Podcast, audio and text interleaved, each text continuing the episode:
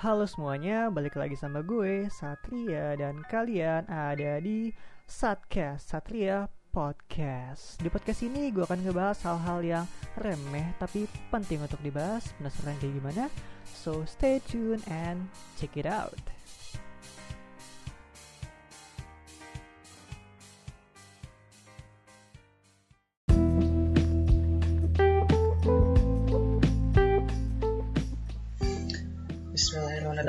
Ya um, gue sekarang lagi di kosan Satya dan gue uh, pengen wawancara Satya yang baru aja selesai. Eh kapan sih baliknya?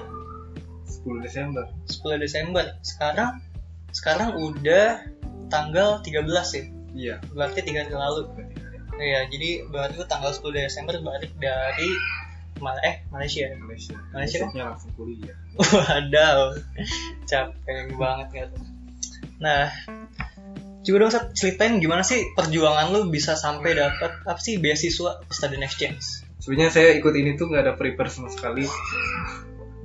Itu pun karena saya tahu dari temen juga kan ada student exchange nah saya ingin nyoba-nyoba doang gitu buat ikut. Nah waktu itu ikut dan ya alhamdulillah keseleksi. Nah seleksinya itu kan ada essay dan interview. Nah saya tuh agak tertantang di interviewnya karena itu kan full English dan di essaynya juga sih sebenarnya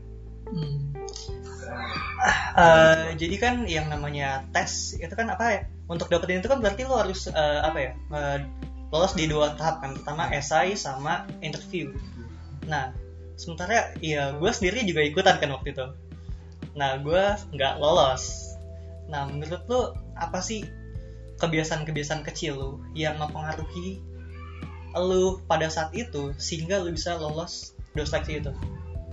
Eh, gimana ya? Eh, kalau masalah lolos enggaknya kan itu tergantung yang nyeleksi gitu. Mungkin eh, yang nyeleksi lihatnya nggak cuma dari ability kita tapi dari apa eh, sisi lain seperti karena kan kita di sana tuh diseleksi 25 orang. Nah 25 orang ini harus apa ya dari segi psikologi dan juga kesiapan secara sosial juga itu harus benar-benar bisa nyatu gitu ngeblend. Nah mungkin eh, dari segi interview itu dinilai dari eh, apa ya kesamaan psikologi orang itu. Mungkin dilihatnya dari situ juga sih. Oh, menurut gue gitu. Jadi menurut lo karena psikologi lo udah baik, jadi lo bisa keterima dengan baik.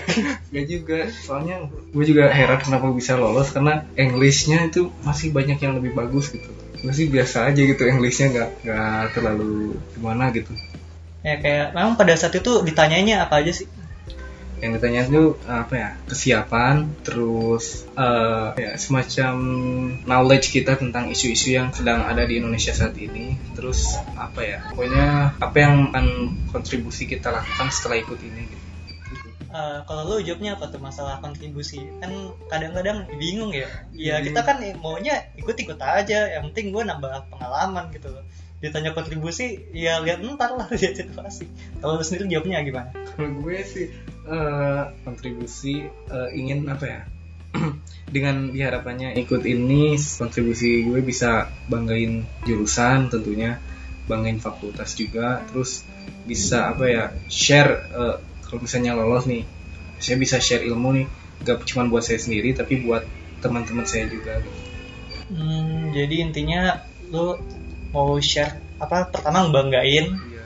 ngebanggain jurusan, kedua buat share ilmu lagi. Tak lupa juga buat orang tua sih. Oh iya ya buat ngebanggain orang Orang tua. tua juga. Iya penting tuh.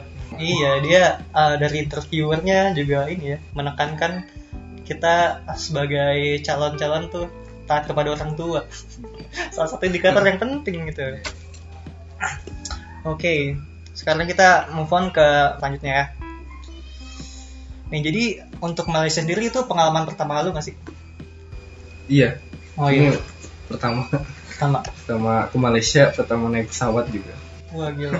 Jadi sebelum ini lu benar-benar nggak pernah apa keluar negeri sama sekali. Gak pernah Gak pernah ada bayangan bakal ke sana juga bakal Waduh. luar negeri Terus eh, gimana sih first impression lu tentang negara Malaysia itu? hmm, first impressionnya eh, kan kita eh, saya dan eh, ya, delegasi lainnya berangkat itu 27 November nah nyampe tuh sore eh, setelah nyampe di sana eh, first impressionnya itu gimana ya jadi gue ber- eh, lihat ada perbedaan yang mencolok banget gitu dari lingkungan terutama ya Apa tuh? antara Indonesia dan Malaysia Hmm. kalau di Malaysia itu lalu lintasnya tertata rapi Hmm. terus sorry sorry gitu Eh, pengguna motor di sana itu hampir gak ada gitu maksudnya oh, bisa pakai mobil semua apa gimana? Iya, ke- mayoritas mobil dan motor itu emang ada, cuman bisa dihitung jari gitu. Kalau di kita kan tahu sendiri gitu. Kok bisa ya? Ya, padahal masih sama-sama Asia, Asia Tenggara kan. Mereka tuh maksudnya em, yang nggak punya mod, yang nggak punya mobil, dia itu pada pakai eh nggak maksudnya yang nggak punya motor itu dia mereka pada pakai mobil atau pada pakai angkutan umum? Nah, kalau kalau pada kalau itu eh, saya dikasih tahu katanya orang Malaysia sekarang lagi gencar-gencarnya eh, naik eh, transportasi umum karena emang transportasi umum saya juga di sana nyaman banget emang gitu. kayak bus gitu gila busnya AC-nya berasa banget gitu beda kayak di sini itu kalau masalah pembayarannya gimana tuh? Ada sistem canggih-canggihnya gitu nggak? Eh, untuk pembayarannya sih beda-beda tiap bus ada yang emang mm, bayarnya pakai sistem eh, Konvensional? Apa? ya konvensional ada yang masih sama lah Hmm. cuman ada juga yang eh, memang udah pakai eh, kartu iya teknologi kartu gesek gitu ya. ya, gesek. Hmm. Terus eh, jadi eh, akhirnya katanya nggak jadi ditransfer ke ini ya apa Selangor University. Ya. Jadi jadinya ditransfer ke mana tuh? jadinya kita ke UPM Apa tuh? Uni- Uni- University Putra Malaysia Hmm, itu di Malaysia. Selangor juga sebenarnya Oh sama-sama sama Selangor. Selangor Tapi satu kota apa beda university? kalau ini di kalau Unisel itu kan asalnya kita di Bestari Jaya cuman karena tujuannya dipindah jadi UPM di Serdang Selangor Oh, jadi kayak cabangnya gitu mungkin ya?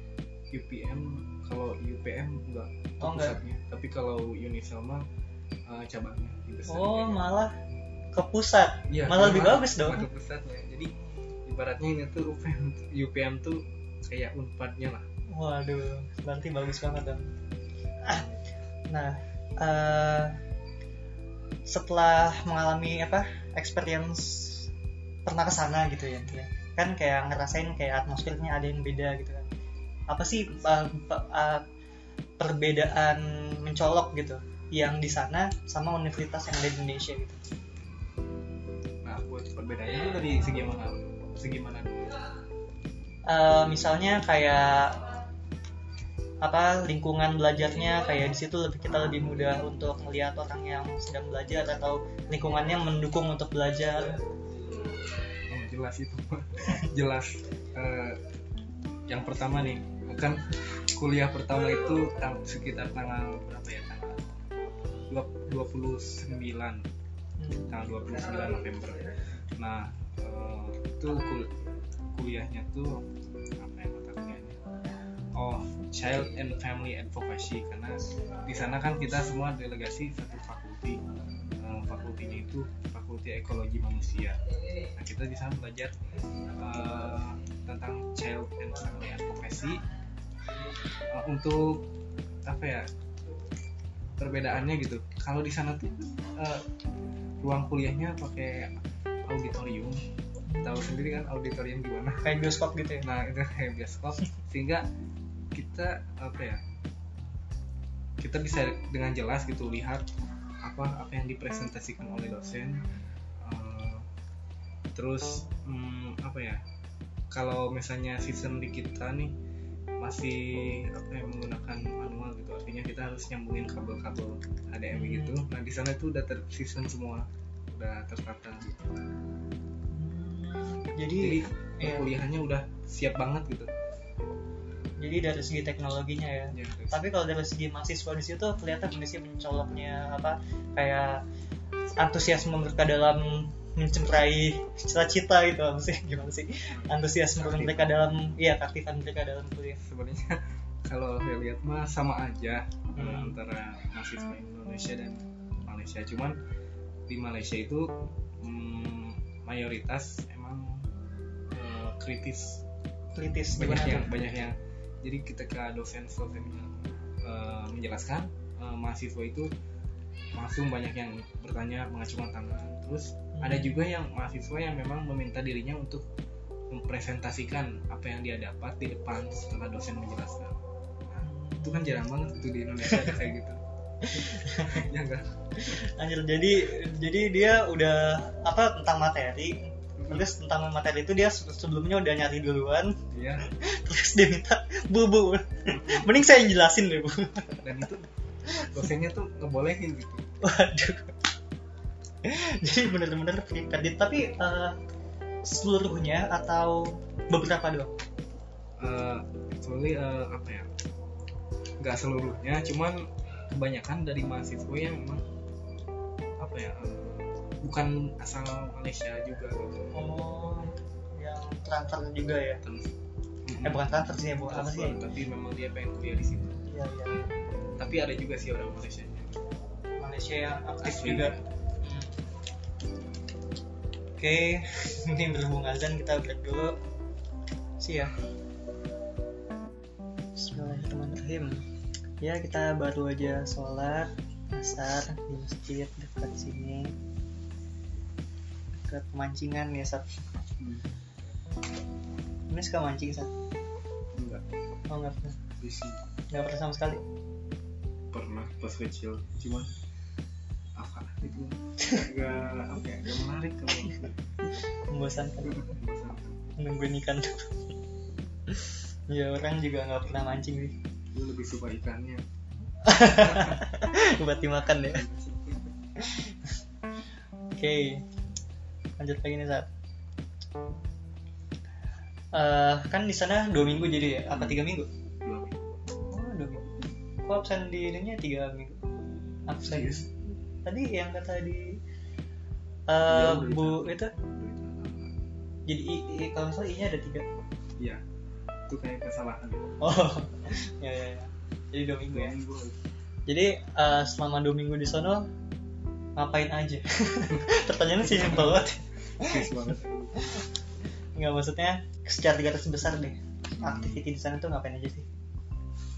di sana tuh eh, sebenarnya eh, apa ya mungkin banyak yang ngira gitu kita ke sana cuma jalan-jalan enggak sebenarnya Eh, di sana tuh kita apa ya perta- baru pertama nyampe aja kita langsung ngunjungin Masjid Putra Hmm. tahu kan Masjid Putra eh, di kota Putrajaya nah itu masjidnya gede banget megah dan lebih dari Istiqlal. Waduh. Masjid Istiqlal itu. Terus di sana juga ada eh, koleksi lukisan-lukisan kaligrafi. Itu Hmm. keren banget Insya Allah dan sholat di sana emang bener-bener apa ya khusyuk gitu. Karena emang suasananya nyaman juga di sana tuh. Jamaahnya gimana tuh? Kan biasanya fenomena yang sering jadi kan masjidnya gede tapi jamaahnya dikit. nah, nah itu yang heran tuh itu maksudnya itu masjidnya gede banget tapi waktu sampai di sana tuh jamaahnya sedikit Hmm, memang pertanda akhir zaman nggak bisa dipungkiri ya. nah cuma di mana-mana juga sekarang sedikit ya Hmm. Terus setelah ke masjid ngapain lagi? setelah ke ma- ke masjid kita langsung ke karena memang pada capek juga kan Hmm. dari bandara langsung kita ke college College oh ke kampusnya. ke kampusnya kita ke asramanya karena kan Hmm, langsung.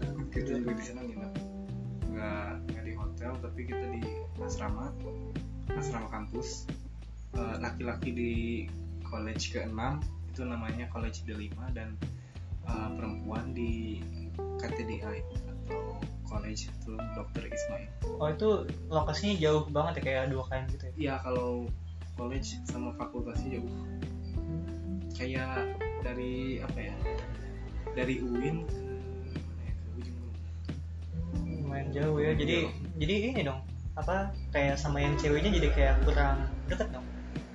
oh kalau kalau antara college cewek dengan cewek mah agak deket Agak deket. cuman kalau college dengan fakultasnya dengan tempat kita kuliah di sana itu jauh banget gitu Hmm. Hmm, jadi harus pakai bus Hmm, iya, iya. terus jadi tuh hari satu apa hari pertama eh, ngunjungin masjid putra terus balik ke Nah, asrama. itu terus selanjutnya gimana? Ada hari kedua? Di hari kedua itu kita tuh pembukaan eh, opening ceremony di apa ya eh, di bilik sidang. Hmm. di ruang semacam apa ya semacam buat conference gitu.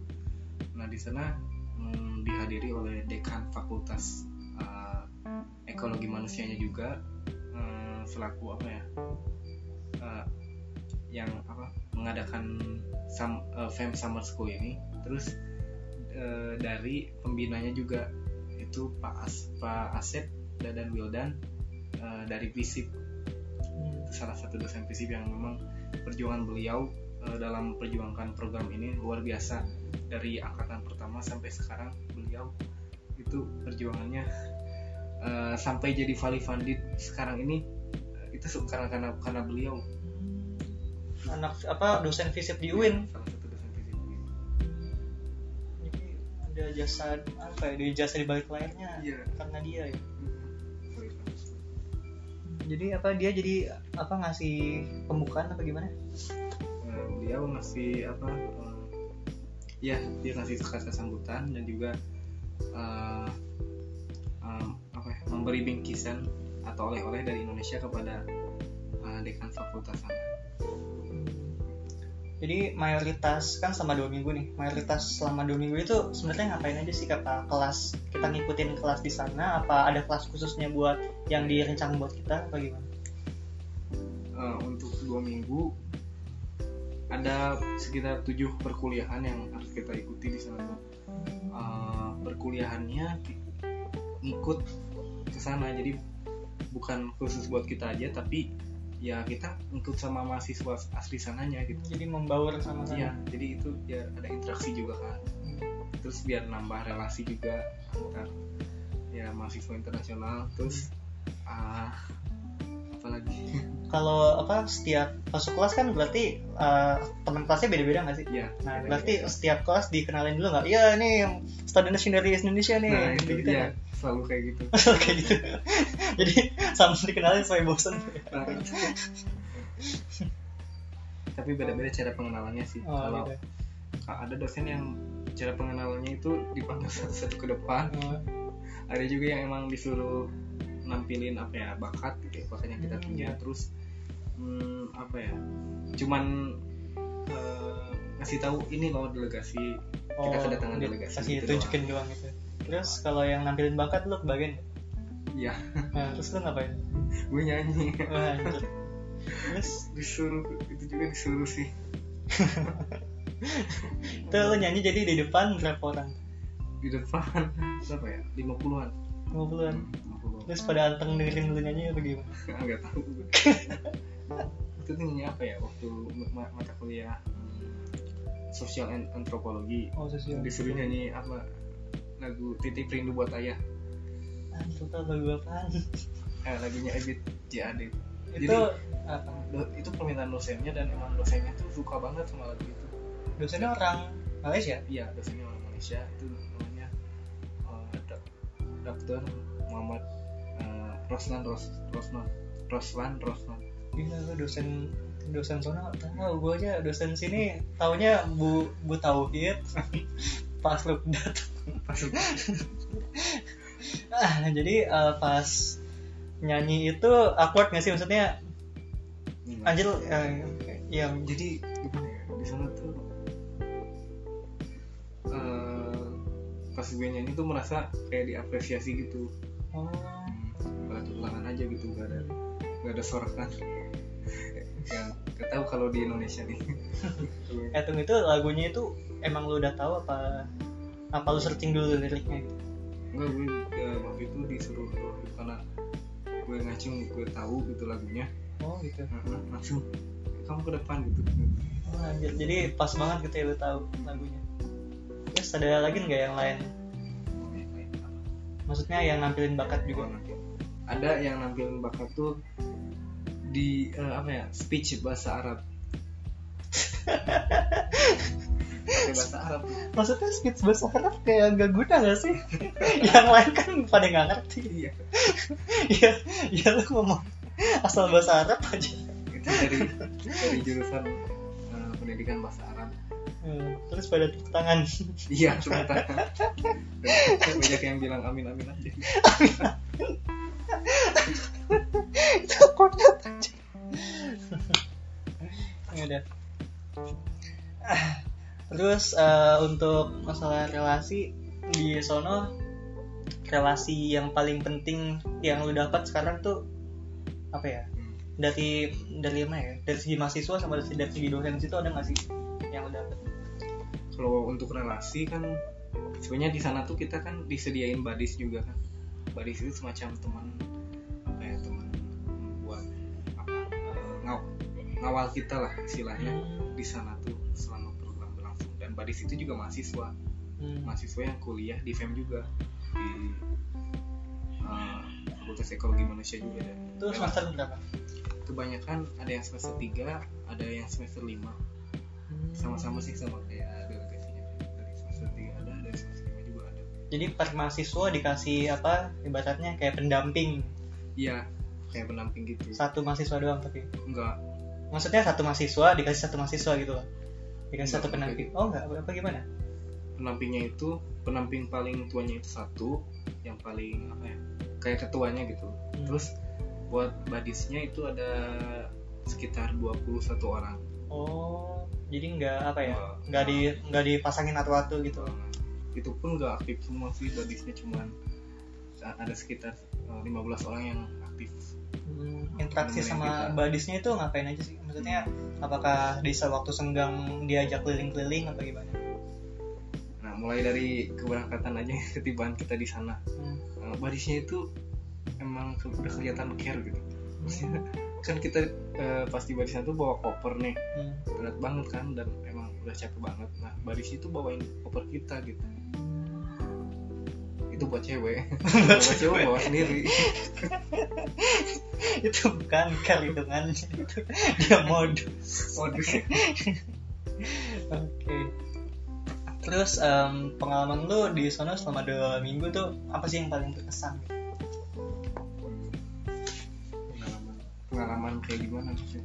Eh, ya intinya ketika lu pulang ke Indonesia, Hmm. yang paling lu inget dari pengalaman dua minggu itu apa?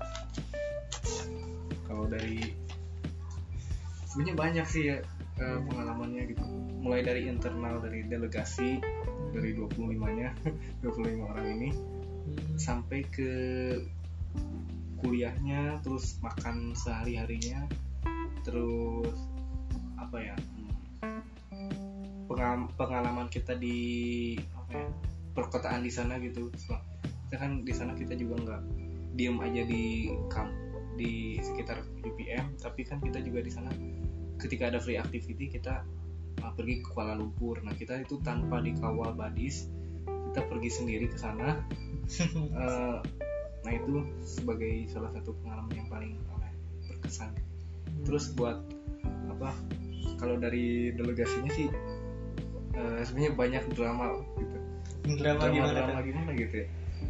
Dan kalau dari laki-laki ada eh, drama. Jadi kita kan di sana dua bilik itu buat tiga orang. Hmm, dua bilik itu misalnya dua kamar. Iya. nah, eh, nah untuk dramanya kan karena eh, karakteristik dari kita itu kan beda-beda gitu. Hmm. ada yang emang benar-benar orangnya tuh selin ada yang orang orangnya kalem ada orang yang memang eh, julid maksudnya julid tuh dia tuh apa ya kayak eh, ngomenin orang mulu gitu Hmm. Nah, Jadi intinya dramanya karena tiga tiga perbedaan personalitas itu Ah, digabungin iya. ke dalam satu satu Kamar. kamar gitu Itu kebayang gitu Jadi lo digabungin sama dua orang itu apa gimana? Enggak, kalau gue digabung sama ketua delegasi itu dari jurusan sosiologi terus sama satu orang lagi dari jurusan Ilpo Ilpol. Oh kalau itu siapa aja tuh sosiologi sama Sosiologi itu eh, namanya Oman Rohman dari eh, semester 5 terus uh, sama satu lagi dari Ilpol itu Farobi. Hmm, Farobi dari semester 3 jadi kalau lu mah adem-adem aja ya. Lu mau udah aja. Yang lain yang malah bermasalah terus kenapa? Diceritain lagi ya? Hmm. Eh, drama yang paling benar-benar begitu itu tuh ada ada satu delegasi laki-laki dia tuh nggak bawa koper gitu ke sana dia cuma bawa tas terus baju tiga tiga tiga pakai tiga pak tiga pasang. Parah banget itu siapa nggak usah nggak usah nyebut nama lah nggak usah nyebut nama. Nah, terus jadi gimana tuh bajunya? Harus mandi apa nyuci Nah, setiap dua itu. hari? sampai-sampai dia tuh nggak ganti apa ya bajunya tuh nggak ganti sampai hari ke lima. Nah hari pertama aja dia udah bikin ini gitu bikin drama. Kan dia tuh sekamar sama temen gue juga eh, namanya eh jangan jangan ya nggak usah nggak usah. Eh, dari jurusan apa ya? Manajemen. Hmm. Eh, dia sekamar sama orang itu yang apa yang tadi gue sebutin. Hmm. Eh, pas hari pertama dia langsung pindah loh langsung pindah bilik emang pindah bilik karena nggak betah sama yang Nah, lainnya iya. apa gimana? Gak betah sama orang itu. Oh karena dia nggak betah sama orang itu dia pindah.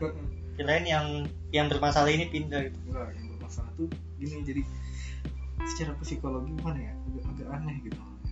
Kok bisa lolos ya? aduh ini membuang-buang satu jatah ini.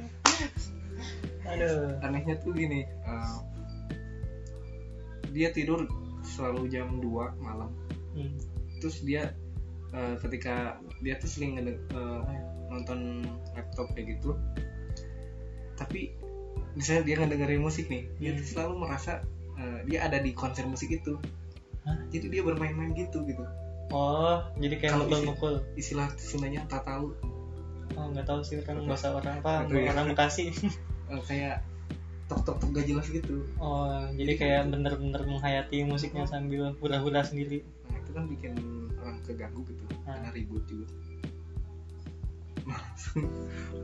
Eh, ada dia juga kalau misalnya nonton tentang film-film gitu dia sering ngomong sendiri gitu. Hmm, ngomong gimana tuh? Gak tau dia ngomong ngomong, eh, ngomong sendiri gitu jadi ngikutin dialog. Dialog Bahasa gitu. Inggris? enggak bahasa Indonesia. Wih.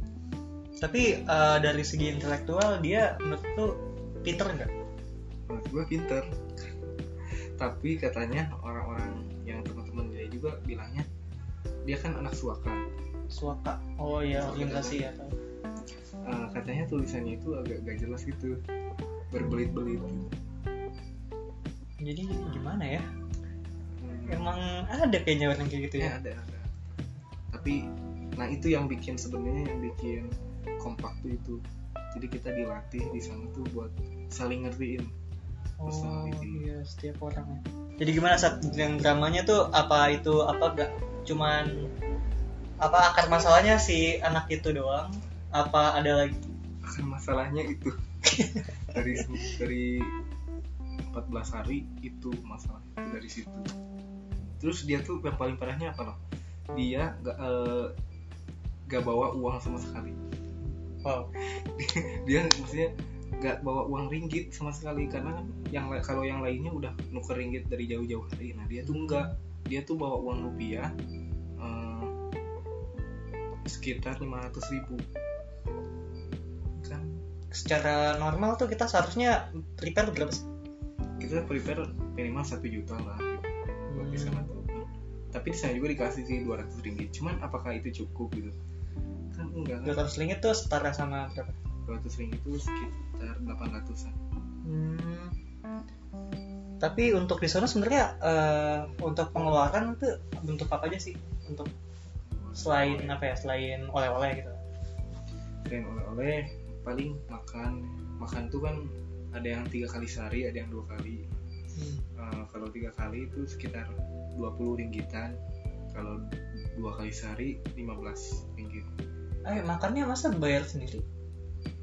kan di sana tuh kita dikasih uang juga uang buat Oh. makan jadi kita yang ngelola sendiri bukan Hmm. Jadi akhirnya eh, kan lu prepare tadi satu juta jadi berapa kalau ditinggitin diringitin jadi 208 nah kalau itu jadi gimana ya? Ibaratnya kalau lu nggak bawa uang 280 ringgit itu lu bisa hidup nggak? Kalau gue sih enggak Kenapa teh, Pak? makan makannya di sana kan mahal-mahal juga. Hmm. tapi kalau misalnya diirit-iritin gitu bisa nggak dengan uh, uang yang dikasih sudah sama ininya bisa sih tapi cuma buat makan doang untuk berbuat makan Hmm. karena kan di sana kita nggak makan doang kan kita pasti pengen jajan loh gitu. Misalnya Oh. nah, kita lagi kunjungan ke Putrajaya nih kita haus kan eh, kita juga harus ngeluarin uang buat jajan gitu. oh jadi benar-benar uangnya itu yang dikasih buat makan besar Iya. jadi nggak ada nggak bisa dipakai buat nyemil nyemil Nggak. dikit Dua Hmm. ratus ribu terus oh ya jadi jadi uh, makanannya intinya kita beli sendiri Ya makanannya tuh eh, kita bisa bebas pilih kantin gitu di college-nya ada. Kalau di college deket saya tuh di college Kanselor itu makanannya enak banget. Eh, nasi lemak, terus nasi apa ya? Hmm, nasi putih juga ada khas khas Indonesia gitu. Cuman di sana dominannya santan. Oh jadi mana kalau makan di sana biasanya pesannya apa? Kalau gue eh, ayam goreng. Ayam karena goreng? Malaysia kan ter- Eh, identik sama itu. ayam goreng sama nasi lemak? Ayam goreng sama nasi lemak. Itu kosnya berapa tuh? Sekitar tujuh ringgit. Tujuh ringgit tujuh ringgit berarti kalau di Indonesiain berapa rupiah? Sepuluh ribu atau juga tiga? Tiga dua satu. Wah mahal juga ya. Wow di warteg itu bisa buat tiga kali makan. Oke. Eh, katanya banyak yang bilang apa ya pergi ke luar negeri itu apa ya ngebuka wawasan apa lu akan dapat suatu ilmu yang lu gak bisa dapetin di uh, pembelajaran secara konvensional di dalam negeri. Nah, lu setuju nggak itu untuk itu? setuju Em, terus apa yang lu dapat pelajaran apa sih yang paling penting lu dapat dari setelah pengalaman untuk pelajarannya itu apakah dari teorinya atau apa Enggak, jadi lebih ke pelajaran hidup sih. oh pelajaran dulu Eh, kalau yang gue dapetin di sini gitu eh, apa ya di sana tuh eh, kita ke mana-mana eh, kalau naik bus. Hmm, kalau di sini kan ya tahu kan transportasi pribadi. Terus eh, di sana kita hmm, apa ya selalu apa dituntut untuk jaga kebersihan gitu Sana kalau kita ketahuan buang sampah itu ada aturannya Ya. nggak sih? kita langsung ditegur Ditegur doang, tapi Ya. ada ada pasalnya nggak?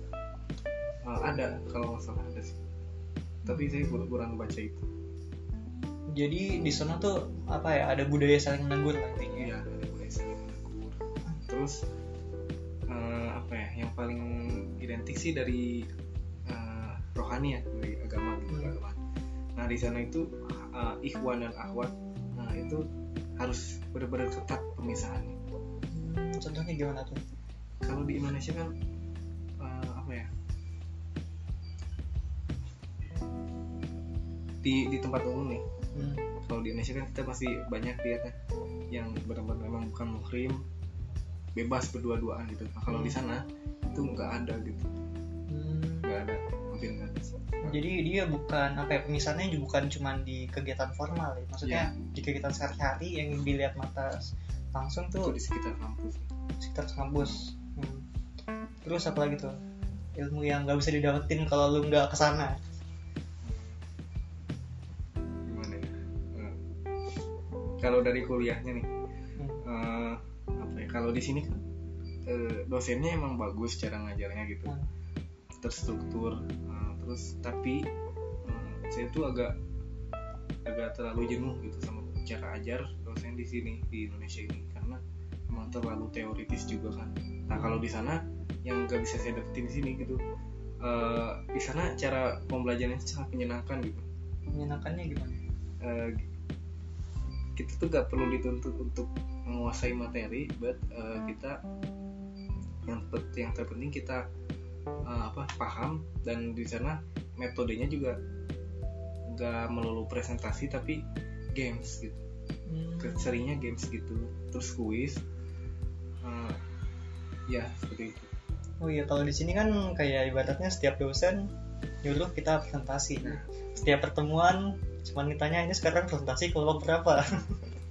kalau di sana presentasi nah kalau di sana presentasi itu per orang per orang maksudnya oh setiap orang tapi atas inisiatif apa atas presentasi? inisiatif jadi nggak ada paksaan gitu dan Hmm, emang presentasi per orangnya itu emang keren keren gitu jadi di- kelihatan banget dia tuh menguasain materinya gitu Oh.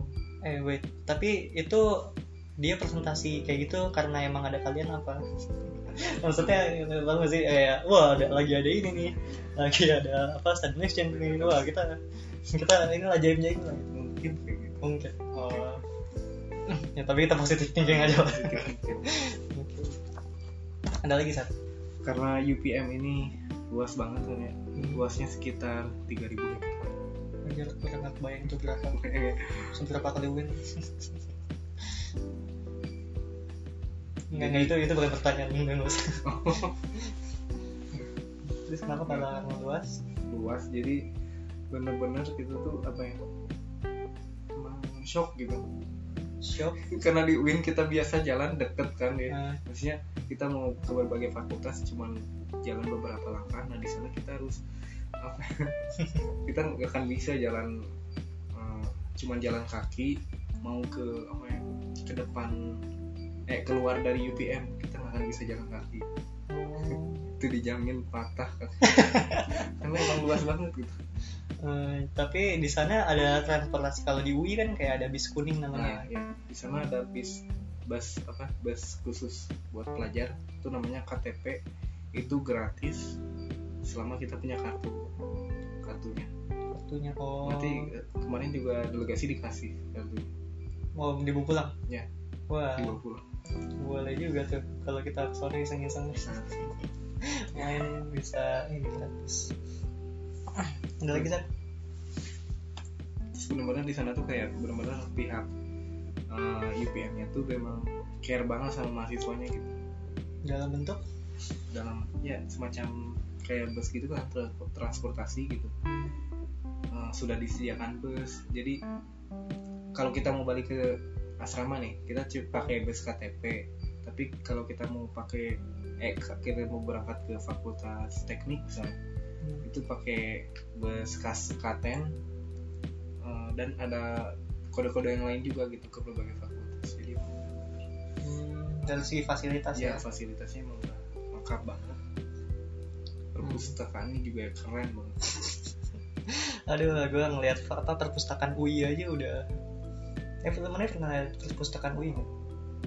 pernah sih Pernah kan? tapi Jadi dia tuh perpustakaannya udah kayak maze gitu, tinggi. tinggi Terus apa sih?